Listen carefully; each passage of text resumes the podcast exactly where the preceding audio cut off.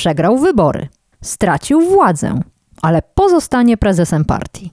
Dlaczego Jarosław Kaczyński jest nie do ruszenia? O tym dzisiaj w powiększeniu. Zapraszam. Nazywam się Agata Kowalska. Jestem dziennikarką Okopres i umiem zadawać pytania. Wciąż jeszcze wierzę, że świat można ponaprawiać, więc swoich gości, polityków i ekspertki pytam o rozwiązania. Swoje tematy dorzucacie i wy, słuchaczki i słuchacze powiększenia.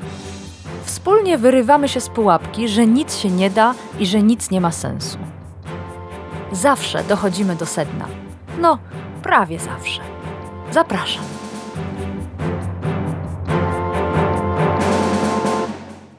Już pewnie wszystkie i wszyscy wiecie, kto wygrał wybory. Zresztą o tym dyskutowaliśmy w ostatnim odcinku Powiększenia z Michałem Danielewskim. Tyle tylko, że wtedy posługiwaliśmy się wynikami exit poli i late poli, czyli swoistych sondaży, które zbierał Ipsos. Ipsos poradził sobie znakomicie – przewidział niemal co do procenta. No ale dla porządku odnotujmy, że w tych wyborach parlamentarnych Prawo i Sprawiedliwość zdobyło 35,38% głosów, a to oznacza, że dostaną 194 mandaty.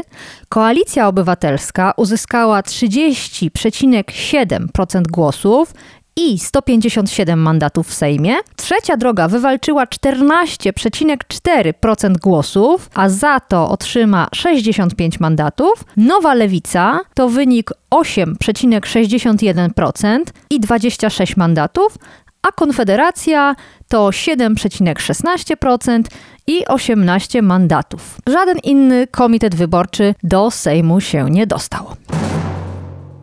Jeśli chodzi o Senat, to zadziałała magia paktu senackiego, czyli takiej umowy między partiami, które zgodziły się wystawiać wyłącznie jednego kandydata w danym okręgu jednomandatowym. I to zadziałało. Partie opozycyjne w sumie wywalczyły 66 mandatów w 100-osobowym Senacie. Ale musimy to rozbić na poszczególne partie, bo nigdy nie wiadomo, kto jak tam będzie głosował. Koalicja Obywatelska będzie miała 41 senatorów i senatorek. Trzecia droga 11, a lewica 9.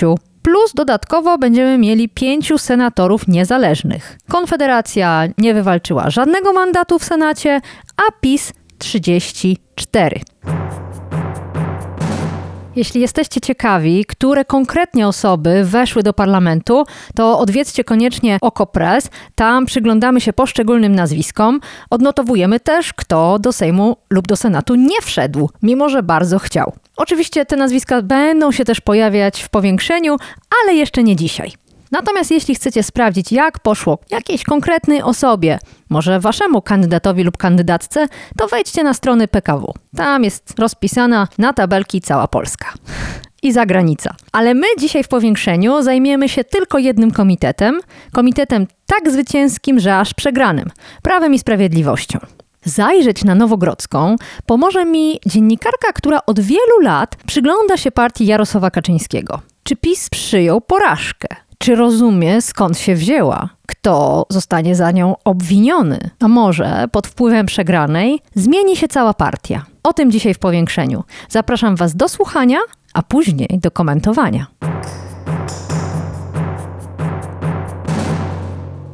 A gościem powiększenia jest Agata Kondzińska, dziennikarka polityczna Gazety Wyborczej. Dzień dobry. Dzień dobry. Czy w Prawie i Sprawiedliwości wciąż świętują? Bo Jarosław Kaczyński w niedzielę ogłosił zwycięstwo. Wprawdzie mówił dosyć smętnym tonem, ale politycy Prawa i Sprawiedliwości od rana, od poniedziałku przekonywali nas wszystkich, że Prawo i Sprawiedliwość wygrało, dziękowali sobie nawzajem, gratulowali, a premier Morawiecki posunął się nawet do tego, że ogłosił, że będzie przyszłym premierem. Tobie y, udało się rozmawiać z politykami PiSu, a mamy teraz wtorek godzinę 17. To jak to jest z tym świętowaniem? Oczywiście, że to zwycięstwo jest y, bardzo gorzkie dla Prawa i Sprawiedliwości, ponieważ y, co z tego, że partia, y, która przez 8 lat rządziła, utrzymała tą pozycję sondażową, lidera sondaży tak naprawdę, kiedy nie jest w stanie stworzyć tego rządu. I nawet jeśli pan premier Mateusz Morawiecki mówi, że będzie premierem, to, to zastanawiam się w jakim e, rządzie, bo e, na pewno nie w tym, którego doczekamy się niedługo. No może będzie doradcą Donalda Tuska. No dobrze, no to w takim razie, skoro nie nastroje zwycięskie, to jak jest naprawdę? Naprawdę jest tak, że Jarosław Kaczyński jest doświadczonym politykiem. On nieraz już wypadł na polityczny margines. Jego pierwsza partia, Porozumienie Centrum, też kiedyś była już na politycznym aucie i nie weszła nawet do Sejmu. On zna smak porażek, wie jak smakują, wie ile kosztują i jaka jest cena utrzymania przede wszystkim partii w opozycji. I to, co zrobi Jarosław Kaczyński, to wiem z rozmów e, z politykami, będzie za wszelką cenę starał się utrzymać swoją partię jako monolit. Znaczy właściwie nawet nie tylko partię, bo przecież Prawo i Sprawiedliwość dzisiaj tworzy rząd y, tak Zjednoczonej y, Prawicy, czyli ma tam ileś środowisk, które wspólnie y, rządzą krajem. Jarosław Kaczyński będzie chciał, żeby ta Zjednoczona Prawica w opozycji nadal była monolitem. I w poniedziałek powyborczy na Nowogrodzkiej, tam gdzie centralę swoją ma Prawo i Sprawiedliwość, Doszło do takiego spotkania Jarosława Kaczyńskiego ze sztabem oraz, z tego co wiem, były też rozmowy w podgrupach. A wiemy, co z tego wynikło, bo może tak. to zabrzmi śmiesznie, ale ja rozumiem, że Jarosław Kaczyński pozostaje liderem i nie zostanie uznany za winnego tej porażki wyborczej. Nie, no y, winy, winy będą za chwilę i rozliczenia pewnie też będą, ale na tym spotkaniu, na tym spotkaniu Jarosław Kaczyński, oczywiście, żeby złagodzić te nastroje fatalne porażki. Powiedział, że rozliczenia w partii będą, analizy będą, sprawdzimy, zobaczymy, co nie zagrało, gdzie popełniliśmy błędy i tak dalej, i tak dalej. Dlaczego tak dużo ludzi poszło do głosowania? To jest na pewno coś, co bardzo zaskoczyło, myślę, że nie tylko Prawo i Sprawiedliwość, ale również myślę, że demokratyczną opozycję, nawet nas, dziennikarzy, komentatorów. Jednak ta frekwencja e, no, jest wspaniała, jest wyjątkowa i rekordowa. I Jarosław Kaczyński na tym spotkaniu, dając jednym marcheweczkę, mówił, że właśnie te rozliczenia będą, na razie nie wskazywał winnych, ale też mobilizował swoją partię do tego, żeby się nie poddawać, że jednak 7 ponad 7600 chyba, 7 milionów 600 tysięcy głosów, które ta partia dostała, to jest jakiś kapitał, którego nie wolno im zmarnować, tym bardziej, że już w przyszłym roku i wiosną, wczesną być może, marzec, kwiecień, będą wybory do samorządu, potem będą zaraz wybory europejskie, a za dwa lata mamy wybory prezydenckie. To nie jest tak, że następuje cisza w polityce na cztery lata. Dzisiejsza opozycja utworzy rząd, a przez cztery lata Prawo i Sprawiedliwość będzie siedziało i przyglądało się temu, jak rządzą inni. Kaczyński dał im do zrozumienia, że oni mają jeszcze zadania do wykonania. Nie mogą się poddawać, muszą się mobilizować, wyciągnąć wnioski z porażki i przede wszystkim zostać monolitem z jeszcze jednego ważnego powodu. Opozycja cała, zjednoczona, plus 18 mandatów Konfederacji nie daje większości potrzebnej do odrzucenia prezydenckiego weta. Nadal partia Jarosława Kaczyńskiego, a Jarosław Kaczyński przyjmuje założenie, że nie będzie chciała Konfederacja z PiSem współpracować, więc musi liczyć tylko na tych swoich posłów, których wprowadził, on jest w stanie obronić to prezydenckie weto w Sejmie. Jeśli partia Jarosława Kaczyńskiego straci posłów, jeśli opozycja zacznie tych posłów wyciągać na swoją stronę, jeśli oni zaczną się na przykład orientować na trzecią drogę, to opozycja będzie miała większość do odrzucenia prezydenckiego mm. weta. I to jest bardzo niebezpieczne dla Jarosława Kaczyńskiego z jego perspektywy. I dlatego też ten przekaz jego wczoraj na Nowogrodzkiej, w tej partyjnej centrali, właśnie był taki. On nie rozliczał, Mówił, że były błędy, oczywiście, ale zagrzewał, zagrzewał, mobilizował, bo przed nimi kolejna kampania. I oczywiście tutaj y, pierwszym obrotowym, wiadomo, może być Solidarna Polska. A to zaraz, jeśli pozwolisz, o Solidarno-Suwerennej Polsce porozmawiamy za chwileczkę.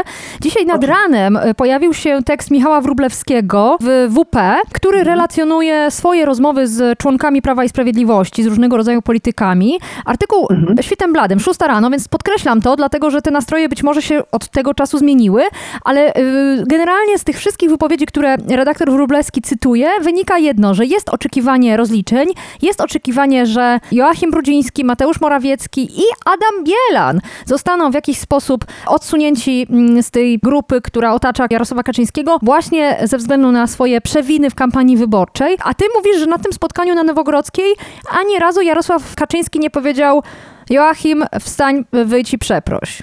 Zastrzegam, że to nie jest tak, że ja wiem wszystko, co tam się działo. Gdyby mnie zaprosili na Nowogrodzką, to zapewniam, że dzisiaj nasi słuchacze wiedzieliby wszystko, co tam się działo. To jest jakiś urywek rzeczywistości, który mam na podstawie iluś rozmów z politykami Prawa i Sprawiedliwości. Tylko, że to, co ja powiedziałam, nie przeczy temu, co napisał też Michał Wróblewski, Mhm, bo mhm. Mm, Chęć rozliczeń zawsze będzie, oczywiście, że tak. I rozmowy o złym Morawieckim i winnym wszystkiego Morawieckim są też nam publicznie znane z obozu właśnie suwerennej Polski. To nikt inny jak Zbigniew Ziobro mówił o premierze Minkiszonie, podważał jego politykę europejską, podważał jego politykę energetyczną. No Znamy to tak, wszystko ale, ale Tak. europosła Brudzińskiego, czyli szefa kampanii Prawa i Sprawiedliwości, no jednak tak publicznie nikt nie rugał. Więc zastanawiam się, czy rzeczywiście twoim zdaniem nie będzie winnych tej tragedii. Nie, ja myślę, że będą winni, ponieważ winni mogą być też, chciałabym tutaj być dobrze zrozumiana, Jarosław Kaczyński, jeśli zobaczy, że zagrożona jest jedność jego klubu, to poświęci kogoś. Ja nie mam złudzeń co do tego. Mhm. Jeśli trzeba będzie zrzucić kogoś z sań albo upokorzyć go publicznie, albo kazać mu posypać głowę popiołem, to Jarosław Kaczyński to zrobi. I zmusi tę osobę do takiego zachowania, albo ta osoba odejdzie. Dlatego powiedziałam o suwerennej Polsce, ponieważ ona ma tutaj znaczenie, bo to jest środowisko w tej zjednoczonej prawicy u boku Jarosława Kaczyńskiego, które wprowadziło najwięcej po Prawie i Sprawiedliwości posłów, bo aż 18. 18 posłów to jest grupa ludzi, którzy tworzą własny klub. A to jest czarny scenariusz dla Jarosława Kaczyńskiego, że oni wychodzą, tworzą własny klub, a prezes Kaczyński zostaje ze swoim klubem. Tak, to Michał Danielewski wczoraj w powiększeniu mówił, że nawet może dojść do połączenia suwerennej Polski z Konfederacją, czyli powstania jeszcze większego, radykalnego klubu w Sejmie i to byłoby wyjątkowo niewygodne dla Jarosława Kaczyńskiego. No ale on teraz nie ma nic do zaoferowania Ziobrze. Mm, On ma do zaoferowania Ziobrze wybory samorządowe y, i wybory europejskie. Pamiętajmy, że jednak iluś polityków z suwerennej Polski jest w Europarlamencie. Y, Mimo, że tak bardzo nie znoszą Unii Europejskiej, to jednak tam są. I teraz czy Konfederacja, która zrobiła taki wynik, czy suwerenna Polska mają takie struktury, żeby myśleć o starcie samodzielnym w wyborach samorządowych? Nie. Realnie, oczywiście mogą myśleć, ale realnym starcie, który przełoży się na wynik. No, albo jesteś w polityce, albo cię nie ma, albo w niej uczestniczysz. Co to znaczy, że masz 18 posłów i twoja działalność jeszcze w opozycji ogranicza się do tego, No tylko, tak. że siedzisz w łapach. Tracisz Fundusz Sprawiedliwości i dostęp do kiesy lasów państwowych i nagle robi się trochę cienko. Prawda? I nie masz jeszcze struktur. A kto wygrywa kampanie wyborcze samorządowe? No gminy, regiony, no to, to jest to. Jarosław Kaczyński, wiem też na tym właśnie spotkaniu, miał pretensje do, właściwie sam do siebie powinien mieć pretensje, ponieważ to on niedawno pozmieniał strukturę tak, Prawa i Sprawiedliwości, namnożył tam Tak. opiekunów do, tak, do opiekunów i jeszcze kolejnych i to nie zadziałało. I dziś Nowogrodzka wie, że to trzeba wywrócić i odwrócić przed wyborami, które przed nami, samorządowymi, bo to regiony będą musiały chorować, żeby y, zrobić dobry y, wynik. I PiS oczywiście myśli o tym, żeby zachować ileś sejmików wojewódzkich i nie oddać władzy opozycji. I tak zachowuje się każda odpowiedzialna partia. Suwerenna Polska, czy łatwiej jest zostać wewnątrz i budować sojusze przeciwko Morawieckiemu z Jackiem Sasinem? Przecież wiemy, że to to jest polityk niechętny premierowi i zwalczać wroga od środka, czy wyjść na zewnątrz nie mieć takich możliwości. No politycznie wydaje mi się to mniej interesujące. Będąc wewnątrz, można zawsze szachować, można zawsze iść do Jarosława Kaczyńskiego, mówić, no, panie prezesie, my wicie, rozumicie, ale jednak mm, my tu niechętnie, no dobrze by było, żeby premier Morawiecki się jednak usunął trochę w cień i tak dalej, i tak dalej. To jest jakieś pole do dyskusji, a jeśli wyjdziesz na zewnątrz, to ci zostaje. Zawsze, oczywiście, wtedy też możesz się dogadywać, bo za każdym razem Jarosław Kaczyński być może będzie potrzebował twoich głosów, ale to nie są głosy potrzebne do rządzenia, tylko w opozycji. I ta No, wartość tego głosu już jest mniejsza. To jest e, szalenie ciekawe, zobaczymy jak to się rozwinie, bo oczywiście można też podejrzewać, że Zbigniew Ziobro, któremu dobrze poszło w tych wyborach, będzie liczył na to, że wyjdzie z klubu Zjednoczonej Prawicy, sejmowego klubu, założy własny klub, będzie go wzmacniał, oddzielał tożsamościowo od Prawa i Sprawiedliwości, a za cztery lata osiągnie jeszcze lepszy wynik w wyborach. Może to jest jego marzenie. Nie Ważniejsze niż samorządy. Oczywiście y, nie znam marzeń Zbigniewa Ziobry i nawet chyba nie chcę znać. Natomiast wydaje mi się, że to jest jakiś plan, tak, tak jak powiedziałaś, mógłby być jakiś plan, tylko wydaje mi się, że jednak Zbigniew Ziobro, już pamiętasz, już on już kiedyś raz odszedł i wrócił, i wrócił, bo wiedział, że nie da się. Myślę, że szybciej mógłby liczyć na grę taką, na sukcesję samą w Prawie i Sprawiedliwości, dopóki jest Jarosław Kaczyński prezesem PiSu, e, myślę, że Ziobro nie wykona takiego ruchu, a jeśli go wykona, to uważam, że będzie bardzo ryzykowny politycznie. w rozgrywce Ziobro-Kaczyński zawsze Kaczyński będzie wygrany. Jarosław Kaczyński, czyli wódz, zawsze był postrzegany jako nieomylny, jako genialny strateg i to nie tylko przez własną partię, często też przez opozycję, przez demokratyczne media i tak dalej. I zastanawiam się, czy teraz ta jego siła, ta jego, ta jego rola ulegnie osłabieniu, jak to może wpłynąć na tą partię? Czy ona się W zmieni? sensie, w sensie rola Jarosława Kaczyńskiego? No tak, zastanawiam się, na ile Prawo i Sprawiedliwość przestanie być partią centralnie sterowaną przez jednego człowieka. Nie ma takiej opcji, Mhm. ponieważ nie ma PiSu bez Jarosława Kaczyńskiego. I tu mogłybyśmy oczywiście zacząć dyskusję teraz na temat tego, kto po nim i tak dalej, ale wydaje mi się, że to nie teraz. Jeszcze nie czas, bo nadal Jarosław Kaczyński kieruje y, Z żyw i zdrów. Prawem i I właśnie został posłem, tak jest. Tak jest i, y, i odniósł tam całkiem dobry wynik swój osobisty, chociaż na rzecz partii się nie popisał, bo tam Prawo i Sprawiedliwość straciło dwa mandaty w województwie świętokrzyskim. Ale dopóki Jarosław Kaczyński jest liderem Prawa i Sprawiedliwości, dopóty wszyscy będą w PiSie się na niego orientować. I ja nie mam co do tego żadnych wątpliwości. I pamiętamy nawet wy, wypowiedzi z kampanii byłej premier Beaty Szydło, która mówiła, że po wyborach, jeśli wygrają, to premierem powinien być Jarosław Kaczyński. Tam jest wrogiem Mateusz Morawiecki. I tak jak mówię, jeśli Jarosław Kaczyński za cenę jedności będzie musiał go poświęcić, to moim zdaniem to zrobi. Ta partia się nie zmieni i wrócę do tego, od czego zaczęłaś tę rozmowę. Przecież Prawo i Sprawiedliwość wygrało wybory. Więc dlaczego Jarosław Kaczyński miałby się pomylić? No tak, oczywiście. Wprawdzie nie tworzy, właśnie, wprawdzie nie tworzy rządu. Przez 8 lat nauczyli nas politycy Prawa i Sprawiedliwości, nauczyli nas, że potrafią opowiadać rzeczywistość własnymi słowami, pokazywać nam ją inaczej niż my ją widzimy. Oni mają zawsze swoją własną rzeczywistość. Dla nich dzisiaj po wyborach, oczywiście, że to jest klęska i porażka, ale oni liczą na te głosy, które y, Polacy na nich oddali i wciąż wierzą, że mogą, że mogą jeszcze powrócić. Że za chwilę może się odwrócić. Oni liczą oczywiście na to, że opozycja się nie dogada, że tam będą targi i tak dalej, i tak dalej. Ale ja nie składam Prawa i Sprawiedliwości do grobu. Mhm. Ale powiedziałaś, że być może Jarosław Kaczyński będzie musiał Morawieckiego poświęcić. To poświęcenie, ukaranie Morawieckiego, Brudzińskiego, kogokolwiek, właściwie na czym miałoby polegać? Na przykład jeśli chodzi o Mateusza Morawieckiego, to może powiedzieć, no jednak tu kandydatem na prezydenta nie będziesz. Słyszałam, że Mateusz Morawiecki miał takie apetyty, żeby chciałby być kandydatem Prawa i Sprawiedliwości na prezydenta. To może być jakaś kara. Samo odsunięcie, czy samo odsunięcie Morawieckiego od prezesa Kaczyńskiego, to już będzie dostrzeżone przecież w aktywie partyjnym. Joachim Brudziński może nie dostać miejsca na liście do Europarlamentu. Ja nie wiem, powiem, powiem tak. Chciałabym wiedzieć, jak wyglądały sztaby Prawa i Sprawiedliwości, bo ja dzisiaj słyszę, że powinno się rozliczyć Ksińskiego i Gryfińskiego. Ale Brudziński zachował się cwanie, bo on, e, kiedy przejmował sztab po Tomaszu Porębie, zrobił jedną rzecz. Dokoptował do tego sztabu wszystkie środowiska. I dzisiaj nikt, kto jest w tak zwanej Zjednoczonej Prawicy, nie może powiedzieć, że nie miał wpływu na pracę sztabu. Chyba, że nie miał, ale nie wiem, no, media o tym nie donosiły, ja tego nigdzie nie czytałam, ja sama też o tym nie słyszałam wcześniej. Ja dzisiaj słyszę, że ktoś tam gdzieś nie widział badań, tylko badania były opowiadane, ale nie pokazywane. No więc tutaj ewidentnie zaczęła się ta gra. No my, te, my dziennikarze też musimy uważać na to, co opowiadają nam politycy. Z której strony te przekazy przychodzą, bo przecież od lat się tym zajmujemy i wiemy, jak środowiska jedne na, nagadują na drugie, a trzecie na czwarte i tak dalej, i tak dalej. I gdzieś w tej wodzie mętnej próbujemy się poruszać, żeby później naszym widzom, odbiorcom, czytelnikom przekazać jak najbardziej prawdziwy obraz ale tam były wszystkie środowiska. Tam przecież w sztabie był Patryk Jaki z Suwerennej Polski, Adam Bielan, szef Republikanów, Marcin Ociepa, prezes Stowarzyszenia Odnowa, wiceminister obrony narodowej. Byli ludzie Morawieckiego, Matynia, Miller, byli ludzie Nowogrodzkiej, czyli prezesa Moskal, Sobolewski, sekretarz generalny. Byli wszyscy. A zatem co? Trzy osoby podejmowały tam decyzję?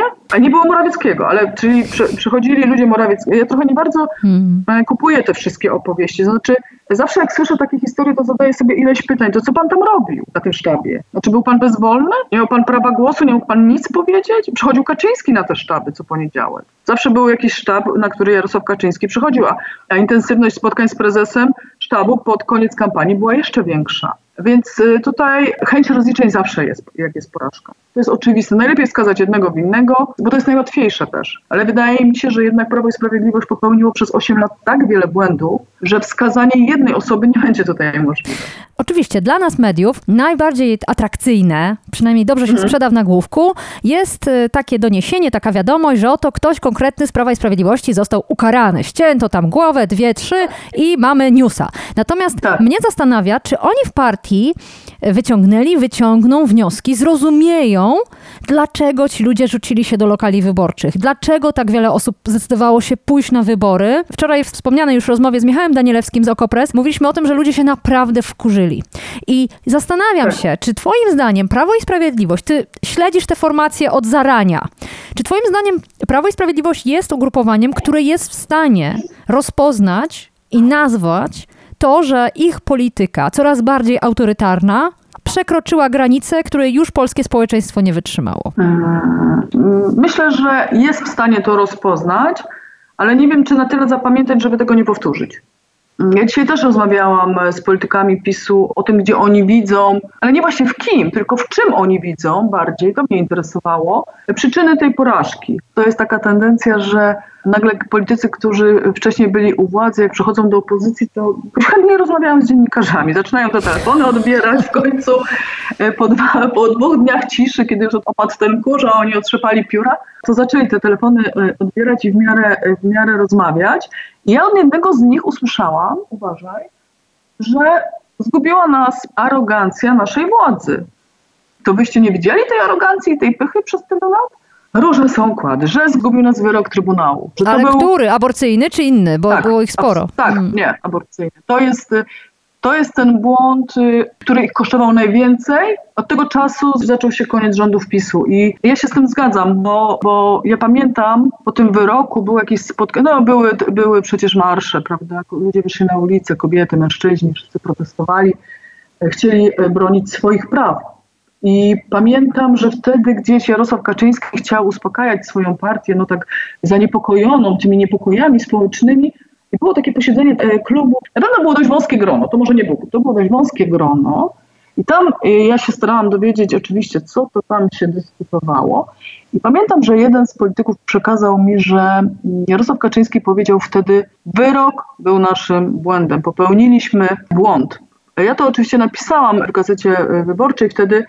Kaczyński zresztą się do tego odnosił, że on właściwie to nie tak powiedział, ale trochę inaczej, ale sens był ten sam. On zdał sobie sprawę, oni wtedy, słuchaj, stracili umiarkowanych konserwatystów. Tych konserwatystów, którzy no, są konserwatywni, no ale nie co tydzień do, do kościoła w niedzielę, raz na czas, jednak z kościołem tak, ale nie za często i tak dalej, i tak dalej. To była ta duża y, grupa, która od nich odeszła, odwróciła się od nich. To ja powtarzam teraz słowa polityków Prawa i Sprawiedliwości, ich analizę wewnętrzną, czyli de facto odpowiedź na Twoje pytanie, czy, czy oni coś analizują i coś do nich dociera. I drugie, oni zdali sobie sprawę, że pobudzili społeczeństwo, że nagle na ulicę wyszli ludzie, którzy władzą się nie interesowali, mieli w nosie tę władzę, co ona robi, czego ona nie robi, nie obchodziło ich to. Ale nagle władza weszła po ich prawa. Ten czynnik osobisty jest bardzo silnym takim bodźcem politycznym. Władza sięgnęła, zajrzała do naszych domów, dotknęła nas, nasze siostry, córki, żony i tak dalej, i tak dalej. Każdego mogła dotknąć. I to społeczeństwo się wtedy, cytuję, przebudziło. I oni to wiedzą, tak, oni to wiedzą. Tego Tak, się zaczęło. ja oczywiście nie bez powodu o to pytam, bo zastanawiam się, czy Prawo i Sprawiedliwość może się pod wpływem tej porażki wyborczej zmienić na lepsze, to znaczy na partię konserwatywną, chrześcijańską, prawicową, ale nie dążącą do autorytaryzmu. Ty powiedziałaś, oni mogą to powtórzyć. Tak, ja myślę, że, że nie ma tu takiej nadziei, że Prawo i Sprawiedliwość się, się zmieni, bo ta partia jest w taki sposób też zbudowana. Oni model zarządzania partią przenieśli na państwo. Statut Prawa i Sprawiedliwości jest tak napisany, że Jarosław Kaczyński de facto decyduje o wszystkim na końcu. O wszystkim. Tam e, wybory e, prezesa partii właściwie nigdy nie mają kontrkandydata. Raz się chyba zdarzyło, ale już nie, nie było później tego, tego kandydata w Prawie i Sprawiedliwości.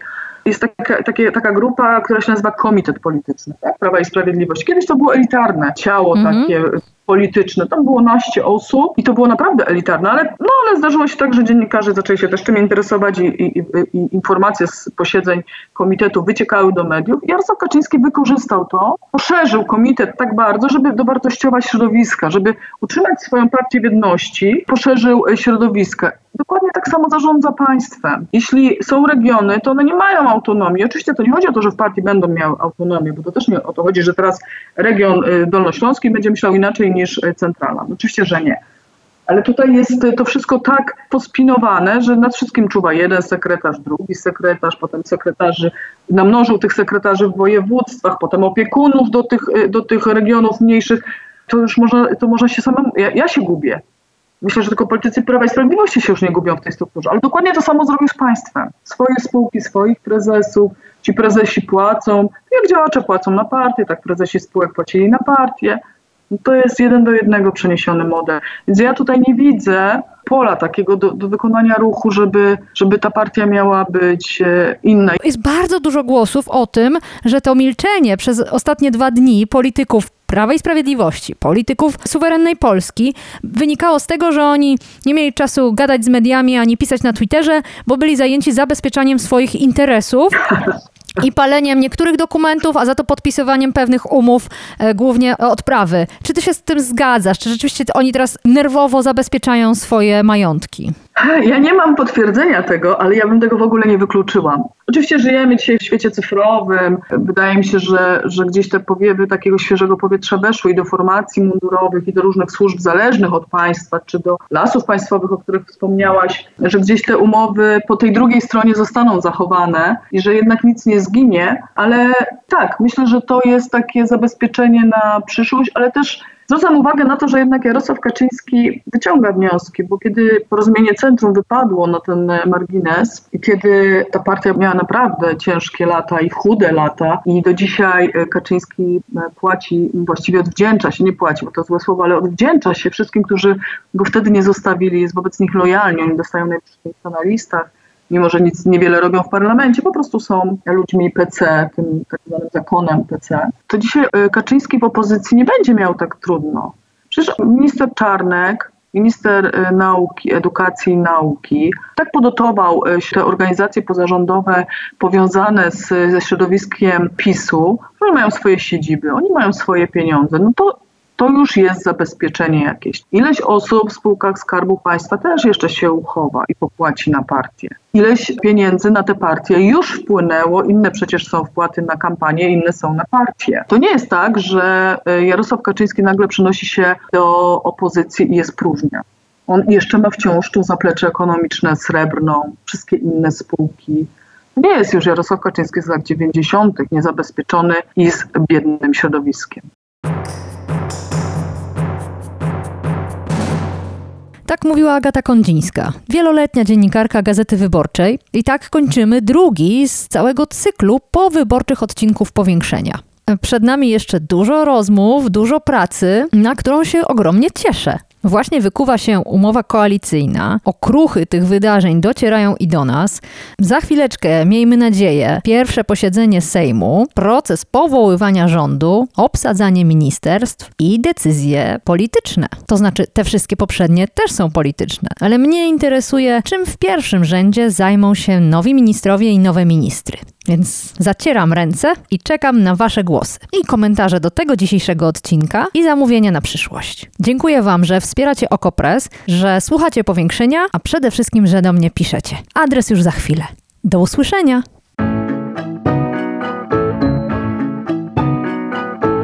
To było Powiększenie, podcast Agaty Kowalskiej. Produkcja Bartosz Weber. Powiększenie znajdziesz na stronie Okopres i w Twojej ulubionej aplikacji do podcastów. Masz pomysł na temat albo komentarz? Napisz do mnie agata.kowalska małpaoko.press. Stałych darczyńców zapraszamy na grupę Okopres na Facebooku Twoja okolica. Tam też toczymy dyskusje o świecie i o podcaście. Dziękujemy za Wasze wsparcie.